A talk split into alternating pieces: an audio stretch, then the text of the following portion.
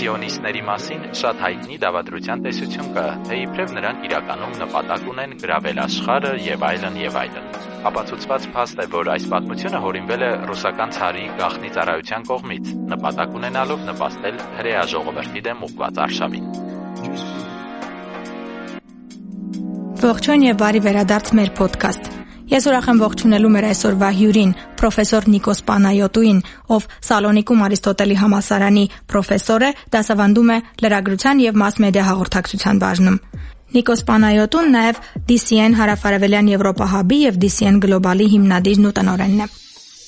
Պրոֆեսոր, շնորհակալություն մեր հրավերն ընդունելու համար, քննարկելու ամբողջ աշխարհում եւ Հայաստանում էլ շատ կարեւոր մի խնդիր, ինչպիսին ապատեղեկատվությունն է։ Կառաջարկեմ սկսենք նախ բացատրությունից։ Ինչ է իրենց ներկայացնում ապատեղեկատվությունը։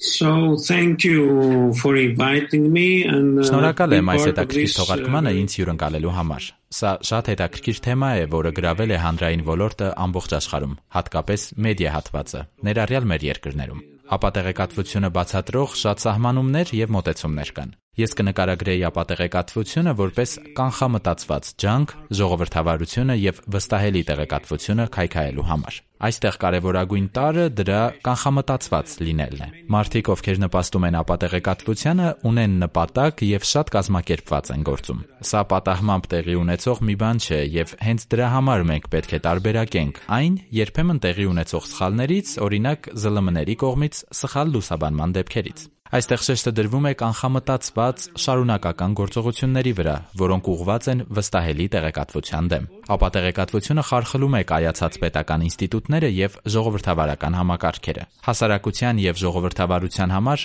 մեծագույն մարտահրավեր է դարձել ապա տեղեկատվությանը ենթարկվելը։ Այդ պատճառով ապատեղեկատվությունը հատկապես ուղղված է քայքայելուն ժողովրդավարական համակարգերի նկատմամբ վստահությունը։ Հենց սա մենք պետք է նկատի ունենանք, երբ քննարկում ենք ապատեղեկատվությունը եւ հատկապես երբ փորձում ենք մշակել այդ երևույթի դեմ ուղղված քաղաքականություն եւ պատասխան։ Պիտի խնդրեմ բացել եւս մի արտահայտություն, որը անգլերենում շատ նման է ապատեղեկատվություն բառին, disinformation եւ misinformation։ Երբ փորձում ենք Google անել եւ տեսնել այդ երկու արտահայտությունների տարբերությունները, տեսնում ենք, որ ապատեղեկատվությունը, դեզինֆորմացիան միտումնավոր ջանքերով ստեղծված մի երևույթ է, այն դեպքում երբ misinformation-ը գուցե պատահաբար եւ ոչ նպատակային է։ Այո, դուք ճիշտ եք։ Ես կարծում եմ, որ սա կարևոր տարբերակում է այդ երկու երևույթները հասկանալու համար։ Disinformation նշանակում է կանխամտածված, որոշակի նպատակներին ուղղված ապատեղեկատվություն, իսկ misinformation կարող է հրապարակվել չիմացության կամ թյուրիմացության պատճառով։ Այս տարբերակումը կարևոր է մեր հակազդեցությունը կառուցելու համար։ Misinformation-ի դեպքում զանգվածային լրատվամիջոցները ներքին գործիքներով կարող են կանխել այդ երևույթը, մասնագիտական մոտեցում ցույց տալով հրապարակվող նյութերի խմբագրման աշխատանքին, որով կարող են խուսափել misinformation տարածելուց։ Disinformation-ի դեպքում մենք պետք է հասկանանք դերակատարներին, նրանց դիսկուրսները, պիտի կարողանանք զինել քաղաքացիներին այս ապատեղեկատվությունը տապալելու համար անհրաժեշտ բոլոր հմտություններով։ Կարծում եմ իսկապես կարևոր է տարբերել այս երկու սահմանումները հատկապես դրանց դեմ պայքարում։ Այժմ պիտի խնդրեմ անդրադառնանք մասնակիցներին, ինչպես նշեցիք։ Փորձենք բացահայտել արդյոք կան ուժեր կանգնած ապատեղեկատվության յետևում, հատկապես երբ ընդունում ենք, որ ապատեղեկատվությունը միտումնավոր ջանքերով ստեղծվում է։ this. Կան uh, շատ քննարկումներ, թե ով կարող է կանգնած լինել այդ փորձի հետևում։ Նախորդ ընտրությունների ժամանակ Եվրոպական միությունը անցկացրել է ուսումնասիրություն, որը բացահայտել է, որ ապատեղեկատվության որոշակի մասը գալիս է Ռուսաստանին ենթակա արտաքին դերակատարներից կամ այլ պետություններից։ Ես կնախընտրեի ընդգծել, որ այս դեպքում ապատեղեկատվությունը քաղաքական շարժումների կամ մոտեցումների կողմից ջանք է, որը նպաստում է նրանց օրակարգին։ Կանվանեի այս քաղաքական շարժումները եւ մոտեցումները հակահամակարգային։ Ի նկատի ունեմ ուժեր, քաղաքական ուժեր, որոնք քայքայում են այն, ինչը համարվում է էլիտար օրակարգ։ Նրանք փորձում են քայքայել ժողովրդավարության ներկայիս կարգավիճակը, այս դեպքերում ուրիշ նպատակներ հետապնդելու համար։ Երբեմն ապատեղեկատվական փորձի հետևում մենք տեսնում ենք քաղաքական ուժեր, որոնք միապետական ավտորիտար ռեժիմներ են՝ Թուրքիայում, Հունգարիայում արկա ռեժիմների պես։ Ինչ նմանություններ ունեն այս երկրները։ Երկու պետություններն էլ շատ խիստ կառավարում են ավանդական զանգվածային լրատվամիջոցները, թերթերը, հեռուստատեսությունը եւ այլն։ Տպագիր ԶԼՄ-ների ազատությունը վտանգված է։ Դիզինֆորմեյշնի պատճառով հանրության շրջանում տարածվում են դրանց հետևում կանգնածներին հարմար որոշակի նարատիվներ։ Այսպիսով, եթե մենք ուզում ենք դասակարգել դերակատարներին, մենք պետք է հետևենք այս տարբերակմանը ռուսամետ պետություններ, ինչպես նշվել է Եվրոպական միության զեկույցում, այս որոշակի մոտեցմանը նպաստող ավտորիտար ռեժիմներ, ինչպես Թուրքիայում, եւ հիմնականում կամ ծայրահեղ աճ կամ ծայրահեղ ցախ հակահամակարգային քաղաքական շարժումներ, որոնք փորձում են նպաստել սեփական օրակարգին ապատեղեկատվական ջանքերով եւ մարտավարությամբ։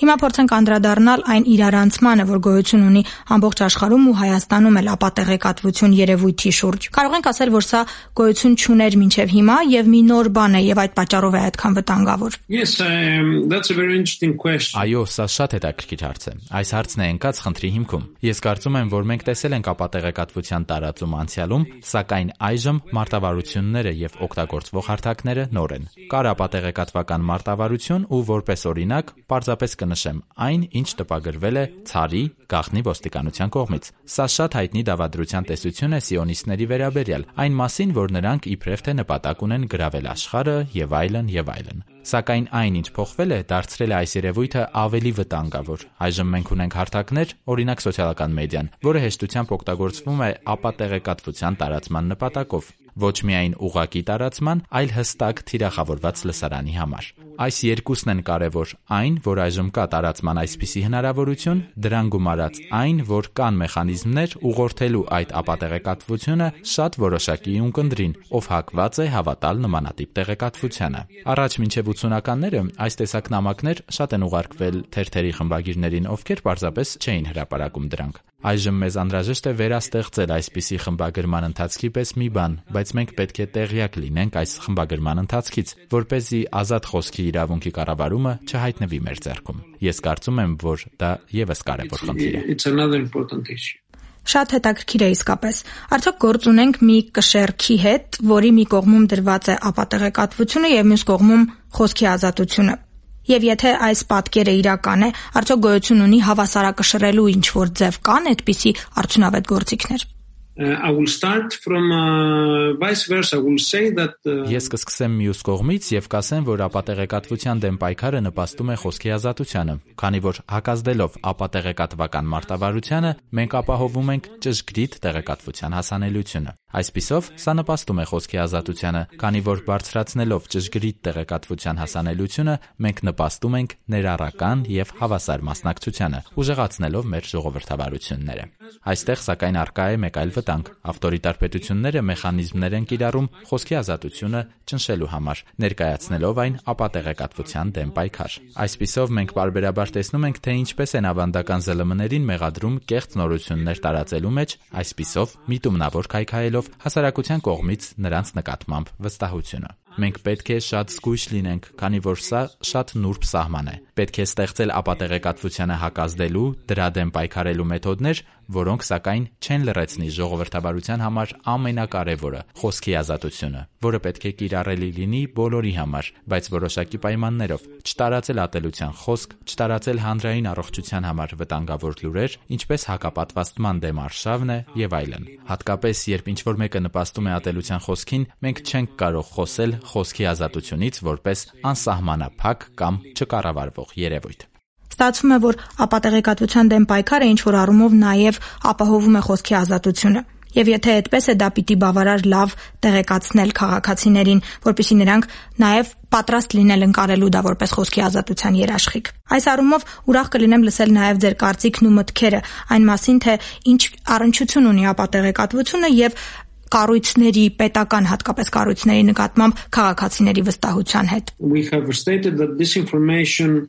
is a misleading Այո, ապատեղեկատվությունը ապակողմնորոշող տեղեկատվություն է, որը ստեղծվում է, ներկայացվում է եւ տարածվում է որոշակի արդյունքներ ստանալու համար։ Այս արդյունքները իրականում պատճառում են հանրային վնաս, քայքայելով քաղաքացիների վստահությունը ինստիտուտների նկատմամբ։ Այստեղ շատ կարևոր օրինակ կարող եմ բերել։ Ուղղակի պատկերացրեք, որ դուք ինքնաթիռի մեջ եք եւ թռիչքի ընթացքում ուղևորներից ոմանք դադարում են վստահել օթաչուներին, ասելով, որ նրանք չեն անում իրենց գործը։ Դուք անվտանգ կզգայիք շարունակել թռիչքը։ Ոչ։ Ընթամենը պատկերացրեք այդ ուղևորներին, ովքեր կասկածի տակ են դնում այդ օթաչուների հեղինակությունը, փորձառությունը, գիտելիքը, պնդելով, որ նրանք չգիտեն, թե ինչպես վարել ինքնաթիռը, եւ առաջարկում են ընտրել, թե ով լինի ինքնաթիռի ղեկին այս նույն բանն է իրականում անում ապա տեղեկատվությունը։ This is what actually this information is doing. Մենք նաև գործ ունենք ամբողջ աշխարհում ապա տեղեկատվական մի հետաքրքիր ու բավական ճանաչված օրինակի հետ, ինչպիսին 5G տեխնոլոգիաների նկատմամբ վախերն են, թե իբր սպառնում է մարդկանց կյանքին, եւ այսպիսի օրինակները քիչ չեն, որոնք վերաբերում են բոլոր քաղաքացիներին աշխարհում ու նաեւ Հայաստանում։ If you allow me said I would just actually want to make a special mention regarding 5G. Եթե ինձ թույլ տաք, կուզենայի հատուկ նկատառում անել 5G-ի մասին։ Մարդկանց համար շատ կարևոր է հասկանալ, թե ինչ է ընկած այս տեխնոլոգիայի հիմքում։ 5G-ն ապագայի տեխնոլոգիան է։ Այն թույլ կտա հասարակությանը մեծ հաշվով փոխել մեր ապրելակերպը ինքնակառավարվող սմարթ մեքենաների ավելացմամբ, մեր կյանքում արհեստական ինտելեկտի մասնակցության բարձրացմամբ, նոր տնտեսական հնարավորությունների ստեղծմամբ եւ այլն։ Նա, ով կկարողանա լինել այս հեղափոխության առաջնագծում, կլինի այն մեկը, ում կհասնեն բոլոր դափնիները։ Բերեմ շատ հետաքրքիր օրինակ։ Չինաստանում բավականին ընդլայնված 5G ցանց կա, որը հասարակությանը տալիս է առավելություն։ Օրինակ Չինաստանում մի քանի հանքեր երբեք չեն դադարեցնում իրենց աշխատանքը, քանի որ աշխատողները սարքավորումները տնից են կառավարում 5G-ի շնորհիվ։ Սա նշանակում է, որ այդ հասարակությունը առավելություն ունի այլ հասարակությունների նկատմամբ։ Մինչդեռ մյուսները ժամանակ են վատնում քննարկելու վրա, թե ինչ է 5G-ն, որոնք են դրա լավ եւ վատ կողմերը, իսկ այդ ընթացքում դրա առավելություններից օգտվողը կատարելագործվում է եւ ձեռք է բերում մենաշնորային դիրք ոլորտում։ Շնորհակալություն, որ անդրադարձաք հատկապես այդ կետին, որ այդքան ծանոթ եւ հարազատ է հայաստանցիներին 5G տեխնոլոգիան, որից չգիտես ինչու շատ վախենում են։ Հուսով եմ ձեր բացատրությունը կօգնի հասկանալու, թե որտեղից է գալիս 5G-ի շուրջ ապատեղեկատվությունը։ Վերադառնալով քաղաքացիներին եւ նրանց մասնակցությանը ինչ որ առումով ապատեղեկատվություն ստեղծելու, գոնե տարածելու գործին, արդյոք հատկապես երբ գործ ունենք սոցիալական մեդիաների հետ, արդյոք հնարավոր է ինչ որ ձևով կանգնեցնել կամ գոնե բարելավել այն իրավիճակը, որ շարքային սպառողը չկարողանա իսկապես խթանել գոնե այս գործընթացը։ What can we do? Ինչ կարող ենք մենք անել։ Առաջին հերթին լինենք մեդիագրագետ։ Երկրորդը պետք է բացատրենք սա մեր հասարակություններին։ Մենք պետք է դասեր քաղենք այս դավադրության տեսություններից, ապատեղեկատվական շարժումներից եւ անենք նույնը՝ շարունակական քննարկումներ, շարունակական հաղորդակցություն մեր քաղաքացիների հետ։ Կուզեմ նաեւ ձեր կարծիքը, ձեր մտքերը լսել այսօր ապատեղեկատվության շուրջ եղած տենդենսներին, եթե այդպես կարող ենք ասել, քանի որ դուք գտնվում եք Եվրոպայում, մասնավորապես եվրոպական միության տարածքում, մի տեսակ տեսնում եք մեծ պատկերը, որ սկսվում է Միացյալ Նահանգներից եւ տարածվում մինչեւ հեռավոր արևելք, հայաստանցի ունկնդրի համար կարևոր եւ օգտակար կլինի լսել արդյոք կան ինչ որ տենդենսներ, որի վրա արժե կենտրոնանալ, ուշադրություն դարձնել, մանավանդ որ սա թեժ քննարկվող հարց է այսօր մեր իրականության մեջ, հատկապես 2 տարի առաջ հեղափոխությունից հետո։ Yes, I agree. I will just name the specific Այո, համաձայն եմ։ Կնշեմ այն հատուկ միջոցները, որոնք պետք է ձեռնարկվեն։ Առաջինը հայ հասարակությունը, ինչպես նաև ցանկացած այլ հասարակություն, պետք է ստեղծի մարմին, որը կառավարության, լրագրողական միությունների, ԶԼՄ կազմակերպությունների հետ կքննարկի, թե ինչպես միասին կարելի է հաղթահարել այս երևույթը։ Երկրորդ քայլը առցանց գովազդի վերահսկման բարելավումն է։ Երրորդը մեդիագրագիտության նախաձեռնություններին նպաստելն է մեդիագրագիտությանն ուղղված նախաձեռնություններ, որոնք հիմնականում մշակված կլինեն երիտասարդների համար, որ เป զի նրանք կարողանան դեմ դուրս գալ նմանատիպ մարտահրավերներին, որպես դիջիթալ քաղաքացիներ։ Իսկ թվային աշխարհի քաղաքացիությունը մի հարց է, որը պետք է քննարկվի եւ ներկայացվի դպրոցներում եւ քաղաքացիական հասարակության նախաձեռնությունների միջոցով։ Ձեր նախաձեռնությունը այդպիսի օրինակ է եւ ես շնորհավորում եմ ձեզ սրա հետ կապված։ Բոլոր հատվածները, որ նշեցիք, շատ հետաքրքիր են եւ ուրախ եմ փաստել, որ Հայաստանում էլ արդեն որոշակի քայլեր ձեռնարկվում են այդ ուղղությամբ։ Մենք այս ոդքասթով էլ փորձում ենք բարձրացնել մարդկանց տեղեկատվությունը ապատեղեկատվության շուրջ եւ գտնել տարբեր լուծումներ, եթե հնարավոր է։ Գոյություն ունեն նաեւ մեդիագրագիտության տարբեր ծրագրեր քաղաքացիների ու տարբեր շահառու խմբերի համար։ Միաժամանակ մեր նախորդ հյուրերից մեկը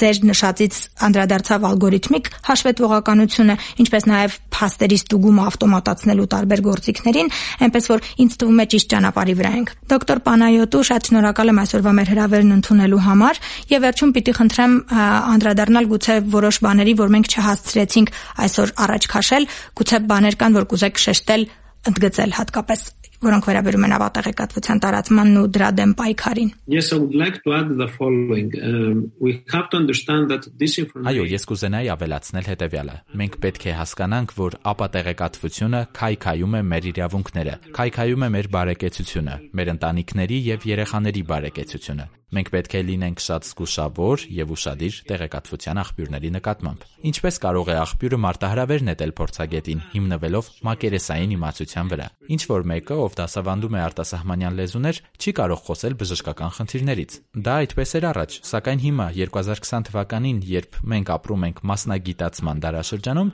ավելի կարևոր է հենվել փորձառություն ունեցող մարդկանց վրա։ Այս փորձառությունը ապահովում է մեր ապագան, մեր հաստատությունների նկատմամբ վստահությունը մեծագույն կարևորություն ունի, որը կորոշի մեր հասարակության եւ ժողովրդավարության կենսունակությունը։ Եթե մենք թույլ տանք ուրիշներին քայքայել մեր վստահությունը ժողովրդավարական համակարգերի նկատմամբ, մենք կբացենք դարպասը, վտանգի տակ դնելով մեր ապրելակերպը եւ հատկապես խոսքի ազատությունը, ինչը մենք պետք է ամուր պաշտպանենք։ Ես կուզենայի շնորհակալություն հայտնել ձեզ այս ոդկասթին ինձ հրավիրելու համար։ Սա շատ հետաքրքիր նախաձեռնություն է եւ ես կուզենայի ողջունել ձեզ եւ ձեր աջակիցներին։ Շատ շնորհակալություն։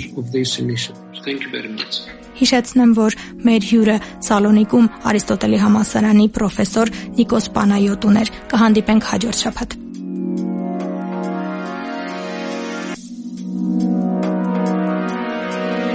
Պոդկասթերի աշակն իրականացվում է թվային հաղորդակցության մասնագետների համայնքի DCN-ի կողմից Ֆրիդրիխ Նաումանի հանուն հիմնադրամի աջակցությամբ։ Հերարցակման բացառիկ իրավունքը ազատություն ռադիոկայանինն է։ Կհանդիպենք մեկ շաբաթից։